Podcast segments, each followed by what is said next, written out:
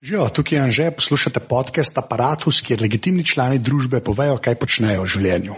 Apparatus ima zdaj naprej tudi sponzorja, tako kot pri gostih, sem upal, da bom za sponzorja dobil neko normalno oziroma legitimno firmo. To se je tudi zgodil, tako da sem zdaj full vesel, da lahko rečem, da Apparatus podpira Third Frame Studios, podjetje, ki je sicer locirano v Kranju, sicer več ali manj poslujejo s tujimi partnerji, kaj točno delajo, lahko najdete na njihovi spletni strani www.trifas.si. So pa kul cool firma, ki je hotela pač podpreti Apparatus, jaz sem jim zato full hvaležen, pa tudi jaz sem vesel, da sem dobil enega sponzorja, ki razume, kaj jaz tukaj počnem in je tok družbeno odgovoren, da podpre eno tako zadevo kot je aparatus.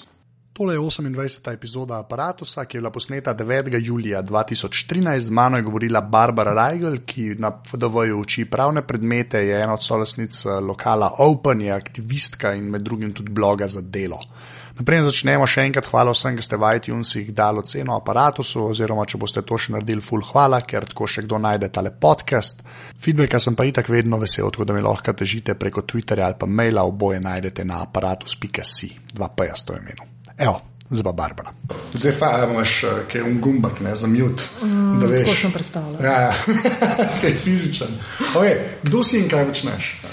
Torej, jaz sem Barbara Reigl. Um, Trenutno sem uh, na počitnicah, ker sem na FDV-ju uh, učim pravne predmete. Uh, no, niso bili počitnice zato, ker popravljam izpite, to je najtežji del celega leta. Uh, hkrati sem pa um, bivša solastnica uh, GM lezbikan prijaznega lokala Open.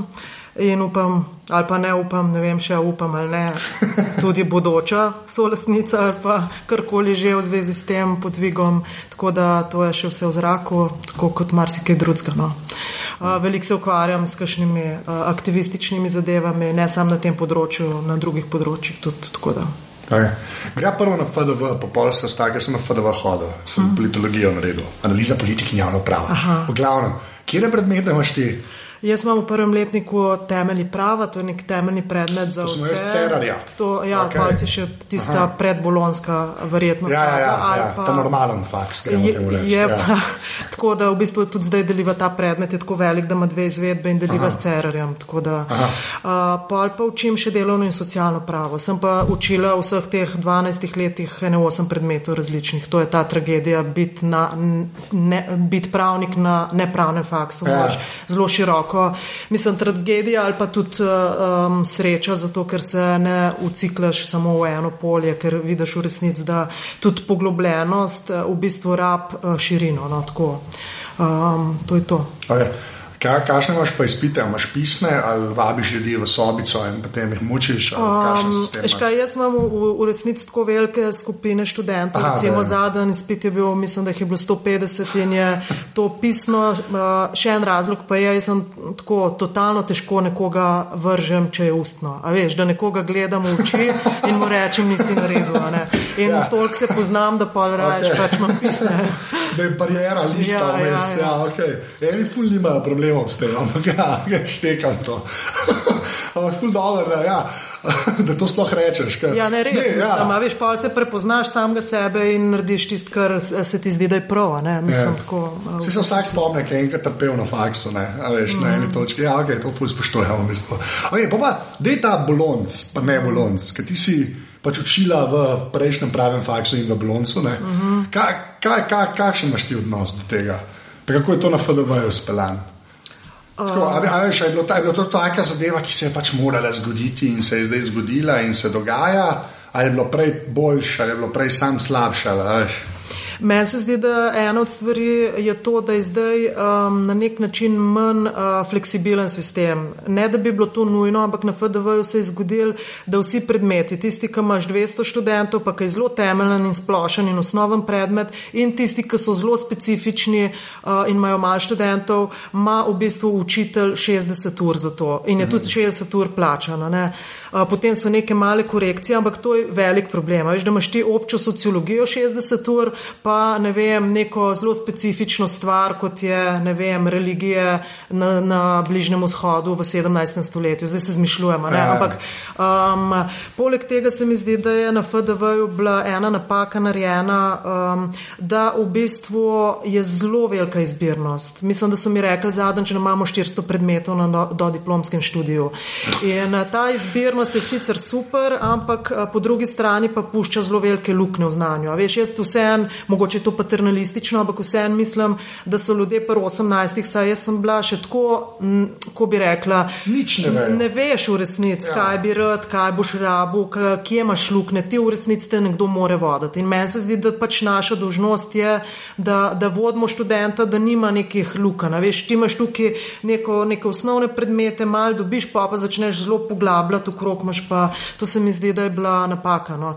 Kar je bilo pa dobro, kar se mene tiče, recimo, je pa to, da je bil nek premislek o tem, uh, kako voditi pedagoški proces. Veš, prej so bila predavanja izpit pikane. Mhm. Po, uh, po Boloni, ker smo se o tem veliko pogovarjali, pa recimo precej teh različnih dodatnih oblik. Recimo, jaz imam pri temeljih prava letos, pa tudi prejšnja leta, uh, jim dam eno nalogo, recimo, da morajo najti uh, v zemljiški knjigi svojo hišo in jo morajo prodati. In pač vse ta proces, pogodbo in tako naprej, kot da simulirajo eno uh mhm. -huh. tako zadevo.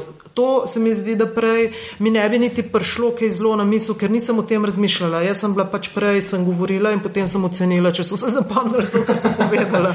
ja. A ja, pa ta praktična, pač v praksi učenje dejansko obstaja. Pač tako, ja, ja. Več, no, saj, recimo, da je več tega. Ja. Čeprav le na nekem družboslovnem študiju ti težko uh, zdaj neki verjamem. Mislim, se mi pa zdi, da je tudi recimo na novinarstvu relativno dosti prakse, ne vem, kakšni so izkušnje, ampak uh, tudi te mladi um, asistenti in docenti vnašajo neke, a veš, novosti in tako.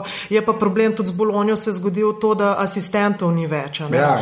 Uh, zato, ker vsak učitelj pač mora imeti za polno plačo 180 ur in če od tistega svoje, to se pravi tri predmete po 60 ur in če od svojega predmeta da 20 predmetov asistentu, 20 ur asistentu, potem pač ima on manjšo plačo, ne? oziroma sploh nima 100% plače. Plača, tako. tako da tako je postalo to mal. Uh, Uh, bi bilo se zelo veliko s tem zaukvarjati, ampak jaz se dejansko ne ukvarjam s to evalvacijo tega. Jaz sam to, a veš, to, ja. kar jaz uh, opazam, ne, recimo prednosti in slabosti. No. Eno, ja, ampak veš, na začetku je tako kazalo, da bo Alratala čist tak Teksas, kjer se bodo ljudje borili, da bodo njihovi izpiti izbrani. Veš, mm. Jaz sem jih takrat končal faks, ne, mm. se je to začelo vajati počasne. Pa v bistvu se to ni čist zgodilo. Ampak ni pa. Ja, čeprav zanimivo je to, kar ste rekli, da so že začeli malo razmišljati, kako še kaj drugačno res stvari. Mm. To pa sploh nisem. Ne, o tem smo se res takrat veliko ja. pogovarjali, ne, o teh novih oblikah uh, in tako naprej. Ja. Sam težko ti potem v 60 urah ne, greš ja. in skozi snov, da daš neke res osnovne stvari in delaš take stvari. Posebej, če nimaš asistenta, ti težko delaš neke inovativne, uh, relativno v majhnih skupinah. Če ni asistenta, ne moreš 180 študenti delati sam v majhnih skupinah. Mm. Ali pa, pa, ali pa pač prilagodiš te oblike, tako da jih zmoreš in da imajo študenti nekaj od tega. Čak, ta drugi predmet je pa kaj delovno in, in socialno pravo. Socialno pravo. Aha, pa si pa ti čist, torej, to nisem vedel, recimo. Ampak ja, kva pa, um, kar se vsaj pri nas na tem področju dogaja. A ne, se sem že z Mitjem šla, pač zakonih vse te zadeve, ne? ampak koliko je tebi, ki ti to učiš? Uh mhm. -huh grozen, bom to besedo uporabil. Poje, ki se te, se te kakršne koli, pa sploh ne napredne, ampak to, kar bi mogoče moglo biti že, veš, base level, ne, neke pač, pač kako se temu rekli, no, sprejetosti družbe do drugačnih, v narekovaje delam, zdaj ne bom v Jerdi spadal. Ampak, ki se srečaš z res realnostjo Slovenije pri teh zadevah, ne, kaj, kako ti to vidiš, kaj ti to učiš, veš, to, v bistvu me za tega zanima, kaj ti greš čez vso teorijo pa če vse to razumeš, pa, pa pač priješ do navadnih ljudi, nevadnih ljudi, že spet v narekovajih, neki pa pač imajo neke svoje špore, ki se jih ne da. Veš. Mislim, da je zakonik, tudi če je prišlo sedem ljudi na referendum, ne, še zmeraj je padlo, veš kaj hoče reči. To je res bedno. Če pride sedem folka, pa da ne znese, ne. Veš kaj bi bilo, če bi vsi prišli, ne vem, to vsi imajo malo svoje teorije. Ne. Ampak veš, kot ti pol to vidiš, ki so te, te take zidove zaletavaš. Um, ne vem, če je to kaj dosti drugače viden, kot uh, če ne bi učila pravnih predmetov. Veš, ja. to, tako, hm, to so stvari, ki so zelo izven prava. Veš, to, kaj si ljudje ja. mislijo o tem in tako naprej. So pa vsi, probam pa to razumeti kot nek proces, uh, ki je podoben pri vseh uh, marginaliziranih ali pa um, skupinah ali pa recimo, probam ga videti podobno, kar se je dogajalo z ženskami, kar se je dogajalo s temnopoltimi, kar imajo tudi ne na zadnje izbrisani, recimo podobno tudi gej in lezbike se mi zdi. In to je proces, ki enostavno ne moreš prehteti. Ja. Pač najprej je faza, ko sploh ljudje se začnejo identificirati uh, s to recimo, osebno okoliščino in začnejo izpostavljati svoje zahteve, potem pa v bistvu mora to preiti v pravo in v neki fazi, ko je to izenačeno, ta osebna okoliščina postane nepomembna. Tako si jaz predstavljam, to je pač uh, zdaj še očitno nismo tam in mene to ne morem reči, da me to tako onesposob, da ne bi, da me tako przadane, da me ja. onesposobil. Ne, jaz probam to razumeti, da v bistvu je in ko bomo mi zaključili ta fajt, če ga kdaj bomo, ampak zagotovo ga bomo, ampak ženske pa temnopolti ga še niso. Ne? A veš, ja. ko hočem reči, to ni, da zdaj smo tukaj kljukco dal, uh, zdaj pa smo pri pr gejih in lezbikah. Ampak tudi, recimo, ko, bo, ko bo manjši problem, se bo pa izpostavila neka nova osebna okoliščina, ki bo problem. Recimo samskost ali pa uh, enostarševska, recimo mama, ki je samo hranilka. To je v vsakdanjem življenju, po moje, precej uh, hud fajt. Ne? In ne vem, če mi to sploh opazimo, ali pa hendikepiranje. Jaz ne vem. V bistvu, um, moja izkušnja v zadnjem času je, da v bistvu zelo težko mislim in uh, um, govorim o stvarih, ki jih sama nisem osebno ja, ja. doživela. Ja. Veš, da bi zdaj jaz govorila, ne morem težko primerjati handicap, pa uh, raso, pa veš. Um, z, z spolno usmerjenostjo. V resnici najbolj vem z, z tistem, kar se res ukvarjam, no, recimo, ali pa tisto, kar res sem, recimo ženska. Ja, ja. Ampak tako ti zdaj, odkar sem z Miklom govoril, pa zdaj stalo, pač kaj doma padla v Ameriki, ne pa se že ne malo temu ameriškemu vplivu govoril, ne pa me zdaj še pri tebi zanima, zdaj, ker se je to zgodilo. Ne. Jaz prvo nisem vedel, da je to Clinton naredil, uh -huh. to je bolano, meni, uh -huh. njej zgledal še relativno lev, še na Ameriki pa ni bil, ampak ok, to je prva stvar, ki je bila meni uvedena. Kako, kako pa je to, mislim, koliko cajt je ta after effect, veš, da do nas prije, kako za krizo govorijo, zdaj gremo Ameriki malo na boljšne, čez nekaj let pa nas šlo malo na boljšne. Veš, koliko je tega halo efekta od Amerike, misliš? Pa sploh zdaj, ki je doma padla, ker zdaj prvič, da je tam res nekaj konkretnega se zgodilo.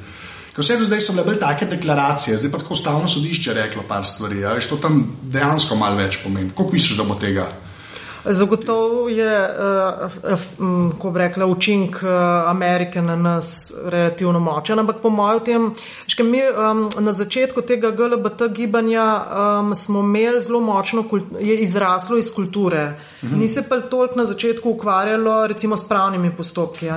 In moja izkušnja v zadnjih recimo petih letih, pa ne da sem to karkoli jaz sodelovala, so drugi to speljali, ampak da se zelo veliko premakne, če delaš tudi na pravnih postopkih. In uh, močnejši, po mojem, vpliv kot ta halo efekt iz ZDA je tudi to, kar se v Evropi dogaja, tudi na Evropskem sodišču za človekove pravice. Tako da um, sam tukaj so, veš, nikoli nismo na koncu. Če pogledaš Rusijo, uh, to je tudi v bistvu ja. na nek način del Evrope, ampak to je tako izvenplanetarno, da si ne moš misliti, da je to res. Uh, po drugi strani smo pa vseeno v tem našem izgubljenem letu doživeli neke totalno napredne ureditve, kot je francoska, kot britanska. Danska, recimo v Nemčiji se premika, te stvari so ful pomembne. In meni je bilo, kot mi je bilo žal za Slovenijo, takrat, da je padel družinski zakonik, pa za, za ta prostor tukaj, mi je bilo pa zelo žal tudi zaradi tega, ker um, nismo bili vlečni kon za, za balkanske države. A veš, ti si lahko, ne. zdaj, če nas bo Hrvaška prehtela, recimo.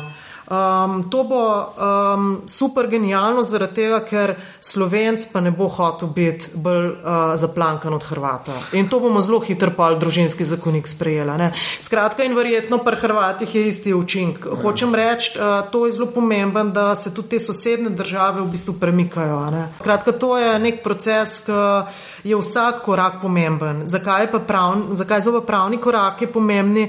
Ker v resnici se skoraj ne dajati nazaj. To je kot cement, veš. Ti dobiš ustavno odločbo o tem, da je neki protiustavno v zakonodaji, potem to drži in pač se ne da z nekimi uh, pogajanji ali pa političnimi pritiski ali pa družbenimi pritiski jati nazaj, se mi zdi. Zato so in te evropske odločitve tako pomembne in tudi uh, uh, ustavno sodišče slovensko je tudi pred kratkim eno zelo pomembno uh, odločitev sprejelo tisto, uh, da tudi neregistrirani istospolni pari imajo pravico do dedovanja, ne? ker zakon, ki zdaj to področje ureja iz leta 2005, se imenuje zakon o registraciji istospolne skupnosti ali kako že. Uh, in uh, v bistvu pokriva samo registrirane pare, kot da bi rekla zakonce, ne, v tem smislu. Tiste, ki so pa koruzniki, uh, pa stret ljudje pač imajo pravice, uh, do zdaj jih pa istospolni niso imeli. Prej si omenila še Evropsko sodišče za človekove pravice. Ne? Kako pa Mislim, kakšen je pa tam film, jaz sploh ne vem, pa sem koliko se leto predstavljal. Ampak koliko je ta? Se vem, da je Evropsko sodišče za človekove pravice, pa bi mogel pač določene zadeve ali saj ne zagovarjati, ampak pač ene stvari bi pač mogli skozi, če se že gre za človekove pravice. Kakšen je pa tam film, do, pač sploh do LGBT-ja? Pač, a tam, a veš, karkoli pride do njih, a je vse, a je zicer. Ne. Bo, ni, ne? Ne, ne. Zelo je, ko bi rekla, v malih detajlih so razlike, kdaj ugodijo uh, stvarem, kdaj pa jih zavrnejo. Um, na področju, um, recimo, tako bi rekla, no, v bistvu v osnovi so zavrnili pravico do imena zakonska zveza. To se jim zdi, da še nismo tam. Mhm. Ko pa ljudje izpodbijajo ali pa tožijo, da je njihova zakonodaja, ne vem, ali um, nemška ali pa kakšna druga, avstrijska, recimo, v nasprotju z Evropsko konvencijo o človekovih pravicah, točno v določeni točki, recimo, da ne priznava vdovske pokojnine ali pa da ne priznava dedova ali kaj drugega, uh, pa v bistvu so tako rekoč vedno ugodili tem ljudem. Torej, um, bi rekla, te pravice v bistvu je skozi večji koš teh pravic, ki jih Evropsko sodišče priznava. Eh, partnerjem ne, v vseh torej, državah, eh, ni pa še priznalo pač pravice do same zakonske zveze. Mhm. To pa se mali izogiba, zato ker to je, moraš vedeti, to je, um, so tudi države, kot so. Um, seveda, ja, ja, ali pa na Balkanu tudi. Ja. Tako da so v tem smislu pač oni vseeno upoštevajo tam. Um, ko bi rekla, atmosfero znotraj te organizacije. Ne, ne morejo iti predaleč, ne, ker verjetno bi potem pri ljudeh tudi na nek način izgubili legitimnost. Za, za sodišče pa vsem pomemben, da imajo neko legitimnost pri ljudeh. Torej, da, da grejo step by step. Mislim. Ja. Ja. Tako da zelo, recimo, če samo en primer povem, na zadnje so odločili v dveh zelo zanimivih primerih. In sicer en francoski, pa en avstrijski, to pa ne v odnosu med partnerjema, ampak ali lahko recimo partnerka posvoji otroka od svoje partnerke. Mhm. In v francoskem primeru so rekli, francoska zakonodaja ni v nasprotju s človekovimi pravicami, če ponostavim, zato ker tam tudi um, uh, heteroseksualni par, ki nima zakonske zveze, ne more tega narediti. Se pravi, Aha. če sta dva na koruzi, pa ima ona otroka, ne more m, pač partner, ki ni z njo poročen, posvojiti tega otroka. Make lahko sense. samo, uh, če sta poročena, poročena potem ja. bi lahko. In so rekli, ker tudi.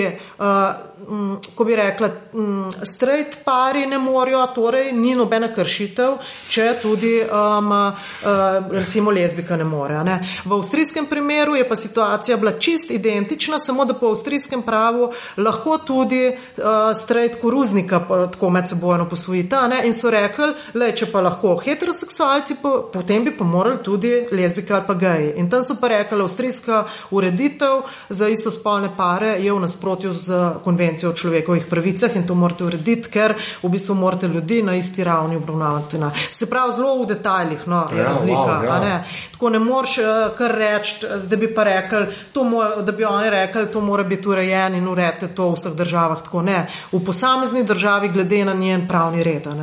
Aha, polnitko, no se to je recimo zelo zanimivo. Jaz bi prej pričakoval, da bojo gledali, ne zdaj, ker so pa francozi, ne, uh, pač se še malo bolj odprli, bomo temu rekli, ne, da bo pa tudi pri nas lahko bi komu zasikali. Ne.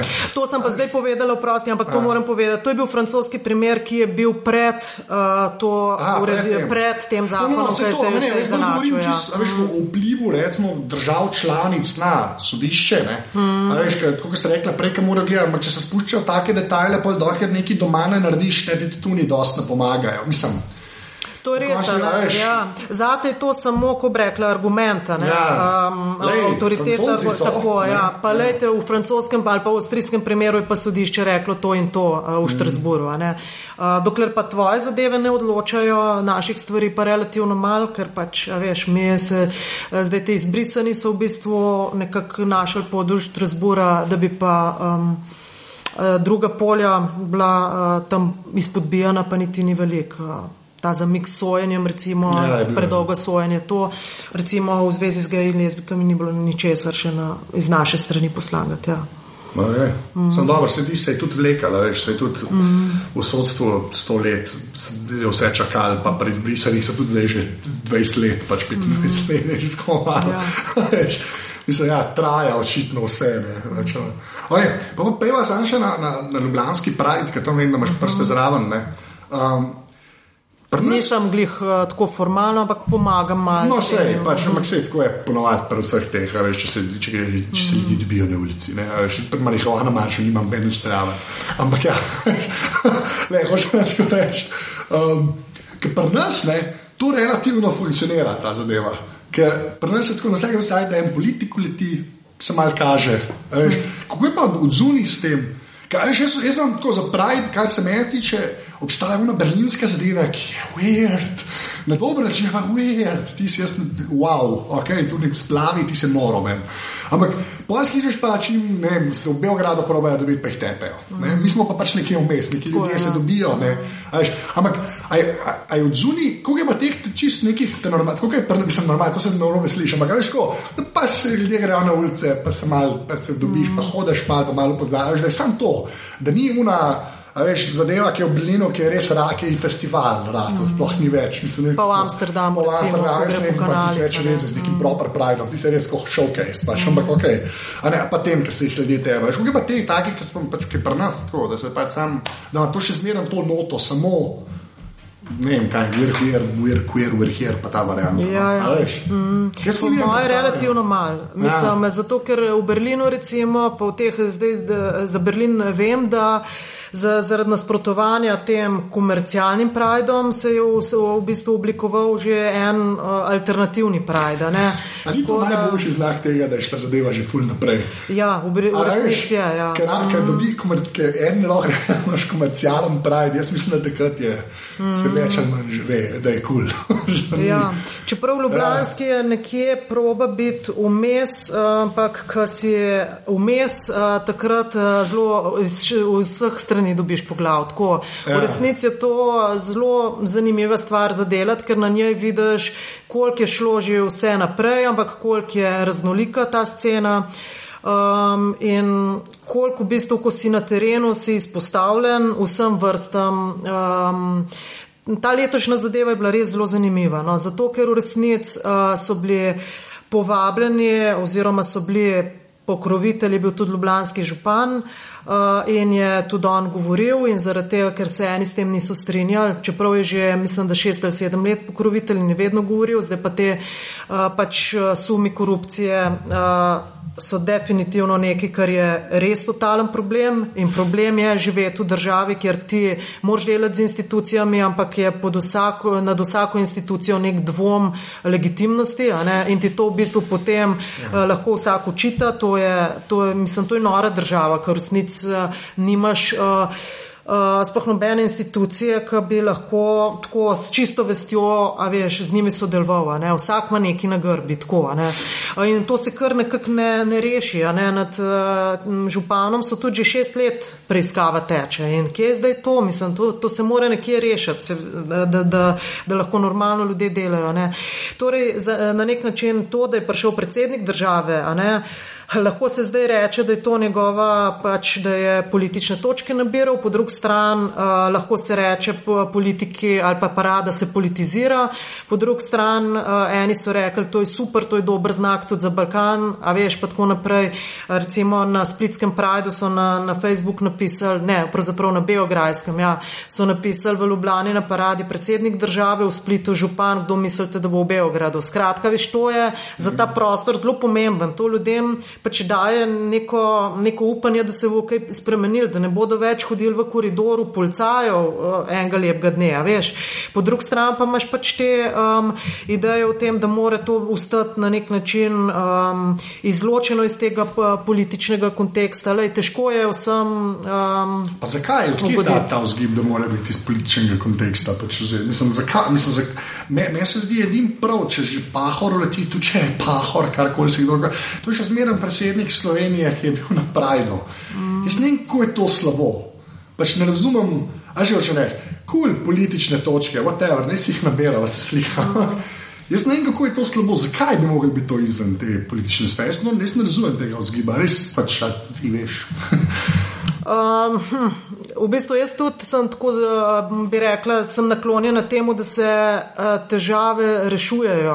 Mislim, in se mi zdi, da se jih ne da izven političnega konteksta reševati. So pa na nek način spremljevalci recimo tega gibanja um, ali pa tudi njegov integralni del, uh, recimo anarhisti, ki so pa in so podporni bili uh, in so, ampak recimo oni pa se jim zdi uh, ta cela politična hierarhija skorumpirana in da v resnici zlorabljajo te osebne, da, da politika oziroma oblast osebne okoliščine zlorablja zato, da, če po domače rečem, krega Eh, eno osebno okoliščino proti drugi, zato da naprej ostaja na oblasti in da v bistvu lahko to um, razredno uh, delitev še vedno vzdržuje.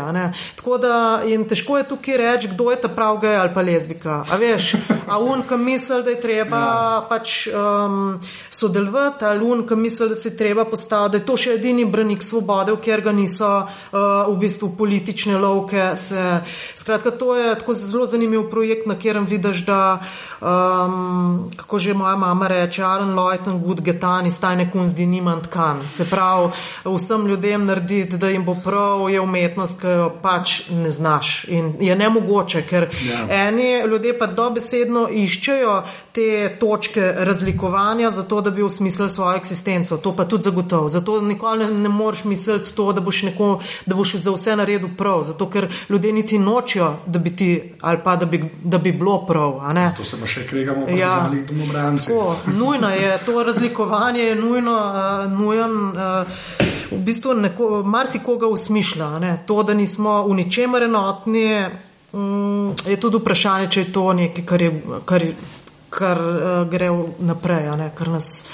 Siguren pa to, da, smo, da se razlikujemo in da je dobro, ampak marsikoga usmišlja to na, na take načine, da se potem v bistvu ta fajt dogaja med nami, namesto da bi se premikali naprej. Ja, to, to, je ta, to je ta lepa analogija na te proteste, ki smo jih imeli, ki so bili tako. Až, kako pa ti cel ta pač, LGBT sceno vidiš znotraj tistega, kar se je čez zimo dogajalo, ker so ljudje bili na ulicah. Tega, ker se mi zdi, da tam pač se je šlo za čist nekaj drugega.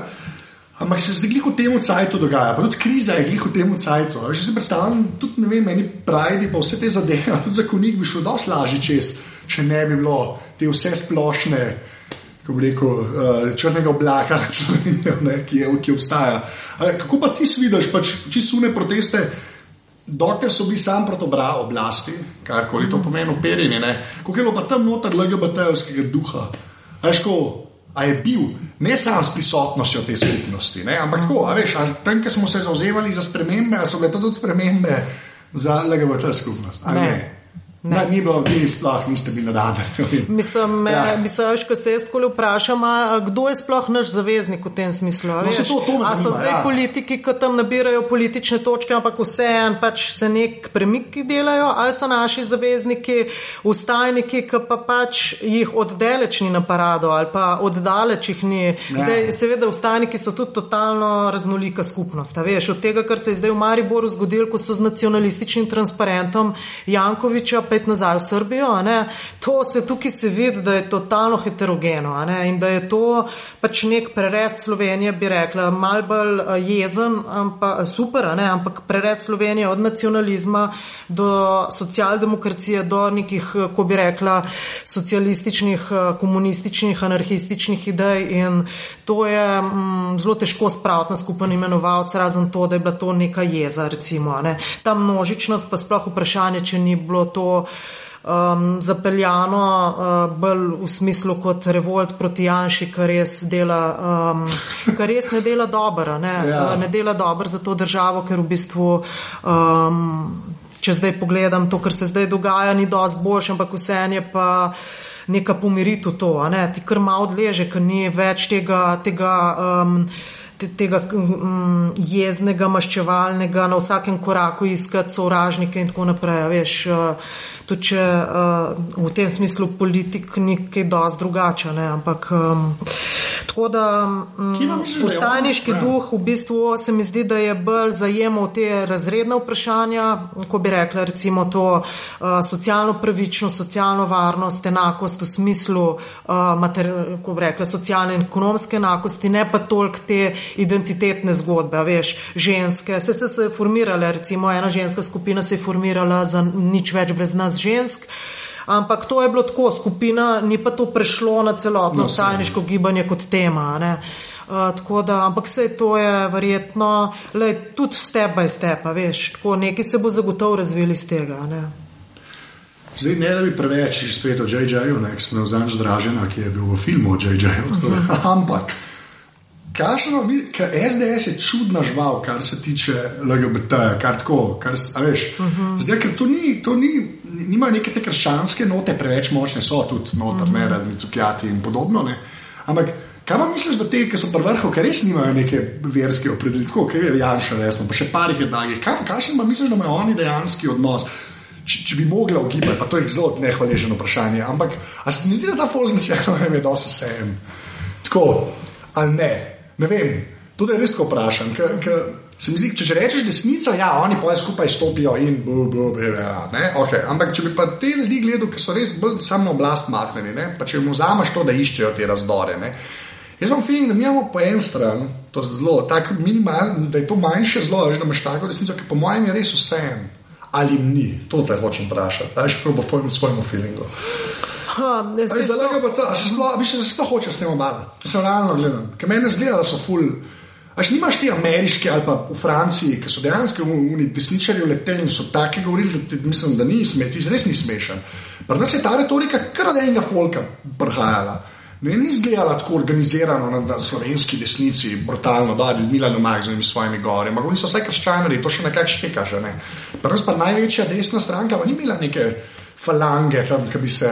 Škaj imela jo je toliko, kot jo je rabila za uporabiti to vprašanje v svoje politične ja, no. koristane. Zdaj to, kako oni to zasebno vidijo, jaz če te gospode ja, pogledam, se mi zdi, da verjetno niso glih najbolj um, ja. uh, liberalni, tudi v, pač v gostilniškem, če si zdaj predstavljam, ampak to v resnici sploh ni važno. Mene ja. zanima v bistvu to, kaj javno počnejo.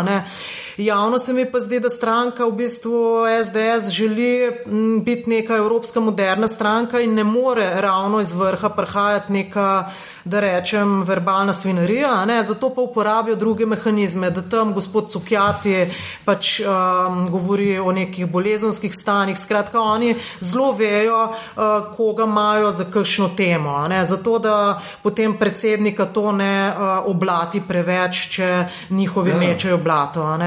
Tako da to je zelo premišljena strategija. Bi pa rekla, da ni nič manj um, škodljiva. Aha, okay, no, se to me najbolj zanima. Uh, nisem pa tako, jaz sem zadnjič poslušala tvoj pogovor z Mitijo, ne, jaz pa nisem tako zelo uh, popustljiva ali pa prizanesljiva tudi do teh kat katoliških uh, skupin. Uh, njemu se je zdelo, da enostavno Ljudmila Novak določenih stvari ne razume in da z, zlo, zloba ali pa slabo, ki na tem svetu nastaja in, in je rezultat nevednosti, uh, da je, ko bi rekla, manj za zamert kot pa če nekdo namenoma dela slabo. Meni se pa zdi, da vse ni za podcenjevati. Uh, gospa Ljudmila Novak je ipak evropska um, političarka, ne? ona mislim, se zna sešteti neke stvari in jih vid in se z njimi vsakodnevno se ni um, gejo in lesbik pač pet v celi Evropi. Jaz tukaj nisem zelo prizanesljiva, zato ker je nevednost pri takih ljudeh samo fasada za to, da dosežejo neke učinke take, da jih mi manj um, strogo sodimo. Ne? ne bi pa tudi rekla, da je bila ta zadeva neorganizirana, da je prihajala kar uh, nasprotovanje od enih ljudi, ker ta civilna inicijativa za družino ali kako že je zelo, zelo dobro organizirana. Ne? Tako da to je v bistvu um, so outsourcali, bi rekla, in crkve in stranke so outsourcale to zgodbo na to civilno inicijativo. E, treba je vedeti, da nevladne organizacije na polju, te katoliškem polju so edine, ki zares imajo denara in ja. kapacitete. Veš, to kar nove in nove organizacije v tem smislu nastajajo in imajo pač enostavno tudi kadrovske kapacitete. Veš, to, da ti, če imaš denar, lahko človeka zaposliš tukaj na, na bolj, ko bi rekla, liberalnem spektru nevladnih organizacij, smo vsi za vse, pa še to nismo profesionalci, ampak v svojem prostem času ali pa pač ne vem, kdaj že uh, neke stvari počnemo. Ne? Tako da. Um, To, je, to bo v prihodnosti še zelo velik pritisk na področju splava preko nevladnih organizacij, na, na vseh teh področjih, kontracepcija recimo. To se je že začela. Mm. Če kdo misli, da se je z družinskim zakonikom kaj zaprl, tako šele odprl se je to za, za to desno konzervativno opcijo, da lahko začnejo pod vprašanje postavljati tudi uh, druge stvari, ki so jim. Mm. Ampak tudi prej ste rekli, da je vse to ta proces, pa da so neki koraki, ki se jih ne da prehitevati. Jaz, jaz, jaz, jaz, jaz sem na to cigal to zelo rekla, veš, pač pravi, da ni nič manj škodljivo, kot so se mm. naša desnica tega lotila. No. Ampak po drugi strani, veš, je pa to tudi ta mal halo efekt Evrope, če ti hočeš biti moderen evropski politik, se tega njih ne moreš šiti. Mm. Veš, kot je Sanader ni mogel imeti v njih pravašov v vladi, ki bi rekli, kaj se pa vi greste, a ne, mm. Hrvati EU, ja ne, videli kola. Mm. Zaradi tega se mi zdi pač to. To je eno od teh korakov, ker lahko pa tega ne bi bilo, veš, lahko, lahko pa ne bi bilo nobenega sramu, da bi te oni to frontalno začeli delati. Ja, ja. Strank, to je pa res. Če se postavim do Srbije, pa točno tako, ne. Mm -hmm. Ne vem, vse en, kdo reče, sam da reče. Mm -hmm. Zdaj, ampak se mi zdi, bil na to sem cilj, ampak zgabo nisem, sem manj škodljiv, se štekam, da ni tako manj škodljiv, ampak ok. Lahko pa rečeš, da je to vsaj ena od teh stopničk, da se ja, to začne dogajati. Mislim, sej, veš, jaz mislim tudi, da veš, če pogledaš po Zahodnji Evropi, recimo ja. prav v Veliki Britaniji, ne, je zdaj pravzaprav konzervativna vlada tista, ki je, uh, sprejel, je bil zakon sprejet zdaj v, tih, uh, v njihovi proceduri ali tik, uh, zdaj sem mal. Uh, pozabila, ampak um, no, pod Cameronom. Po, no, pod pač. Cameronom, ja. glavnem. Ne? In on, uh, ne vem, če poznaš ta njegov znamenit stavek, da podpira istospolne poroke, ne uh, kljub temu, da je konzervativen, ampak ravno zaradi tega. Zato, ker pač uh, zlasti v kriznih časih je komitment, torej zaveza med dvema človekoma, nekaj, kar je zelo pomembno za uh, um, družbo in pač izvitje iz krize in tako naprej. Skratka, da ljudje skrbijo eden za drugega, da državi ni treba. Ja, ja skratka, ampak to zdaj prehaja že v konzervativno agendo in to bo, to bo tudi pri nas, čez deset let bo, bo tudi SDS, upam, da ne pač v taki personalni sestavi kot zdaj, ne, govorila na podoben način. To sem jaz prepričana, razen, dobro, lahko se pa neki radikalni premiki zgodijo spet v smeri proti srednjemu veku. To pa res nikoli ne veš. Ne. Ja. A veš, nič ni tako linearno naprej, kar ne bi mogli se presekati. Ampak zdaj zaenkrat zgleda tako, da bo šlo naprej da bo to postal tako mainstream, da to kmalo ne bo recimo več. Uh, in se bodo, po mojem, neke nove osebne okoliščine izluščile, za kere bodo ljudje se morali boriti. Mm. Okay. Mm. No, pa pa je še malo ta kafe open, ki je zdaj kaj zaprl svoje vrata, mm -hmm. ne vemo do kdaj. Ampak kakšna je, se je dosto obvious ideja, no? ampak zakaj sploh pa geneza zadeve? Ja, nastavil mi sem odprl se ene pet let nazaj, da je bila ta, da je treba imeti v bistvu en prostor, ki se opredeli kot tak, ne? je pa odprt za vse. Ampak da človek, ko vstopi noter, pač ve, kam je stopil. To se mi je zdelo pomembno. Da, um, da, da se potem, ko prestopiš ta prak, da se sprijazniš z nekimi pravili o tem, da se ne sprašuje o tem, kdaj si pa ti prvič uh, začutila, da so ti všeč punce. Zato, ker tudi jaz zdaj to ne vprašam. Ne? In to pač teh vprašanj ne bo klele. Ja. Uh, skratka, in še pač teh sto drugih predsotkov in stvari, ki bodo ostale v zuni. Je, bil pa, je bilo pa težko držati to ravnotežje, da je to nek plec, ki ima identiteto um, GLBT, hkrati pa da je to kot pr, da se tam ljudje tudi vsi dobro dobro počutijo. Ne?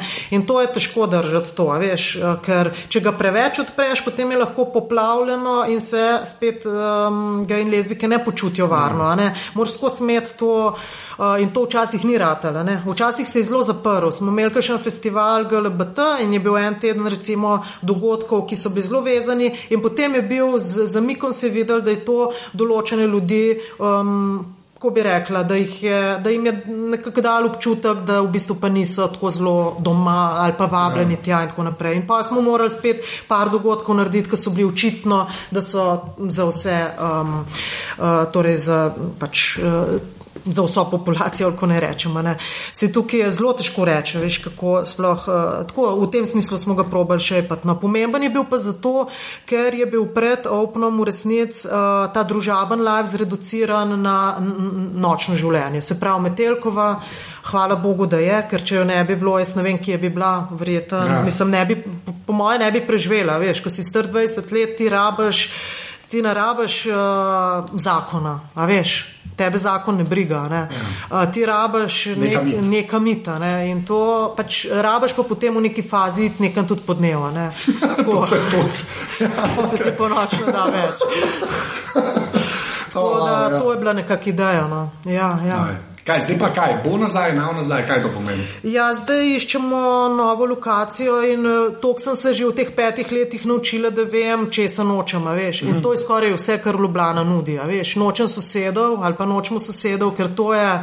To je grozljivo, to, kar je v Ljubljani. Veš, ti živiš v centru mesta in bi rad imel ob devetih zvečer mira. Uh, potem radi bi bili znotraj ringa, torej ne vem, koliko poznaš to, ampak izven tega notranjega ringa, ki gre recimo od fila, tako ja. filofaksa do Tivolija, pa tam železniška, pa poroški, znotraj si lahko odprt do enih, izven tega pa v bistvu do enajstih ali pa do polnoči, ampak te ena, dve ure je totalno odločilna. Veš, če ti v petkih moraš zapreti, v enajstih ne moreš sploh funkcionirati. Ja, Uh, tako da pač um, radi bi, da sta recimo Open imel samo en prostor in je bilo izjemno težko delati v krogle mize pogovori, teda, ker je bil šank v istem placu, kot je bil potem pogovor. Veš, smo, uh, mi smo imeli 50 ljudi noter, šank ni smel delati, ker je moral biti vse full potih, da ni moto. In na koncu, ko smo končali dogodek s 50 ljudmi, je bilo v blagajni 10 evrov. Veš, to ja, ja, ja. pač veš, kaj, pač morata biti dva prostora, da je ločen ta del za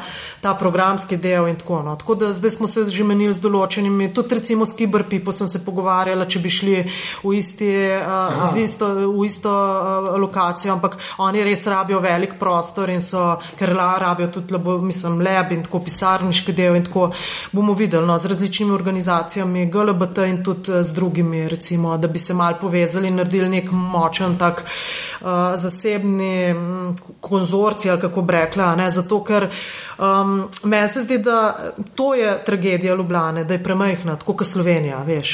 300, ti, mislim, to je res, res zoprn, da noč na trgu ne preživi. Ja.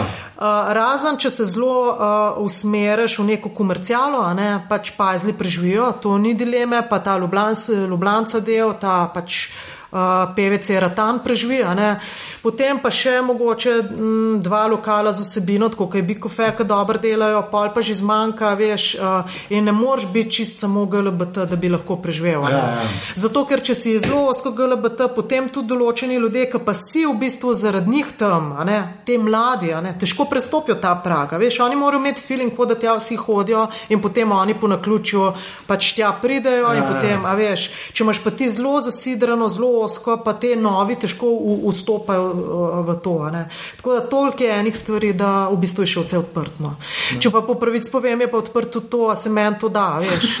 Vsak dan iz kasalca potegniti uh, deset računov, veš. Ja, valjda, pa, pol, uh, pa, pa 15 uh, napotenc, pa a veš, to je res. Jaz sem zdaj uh, tri mesece samo zapirala te uh, zgodbe z Opnom, a veš, sem mogla 20 različnih pogodb odpoklicati, energetika, elektro, teleko, a veš, to je to, kenga tega.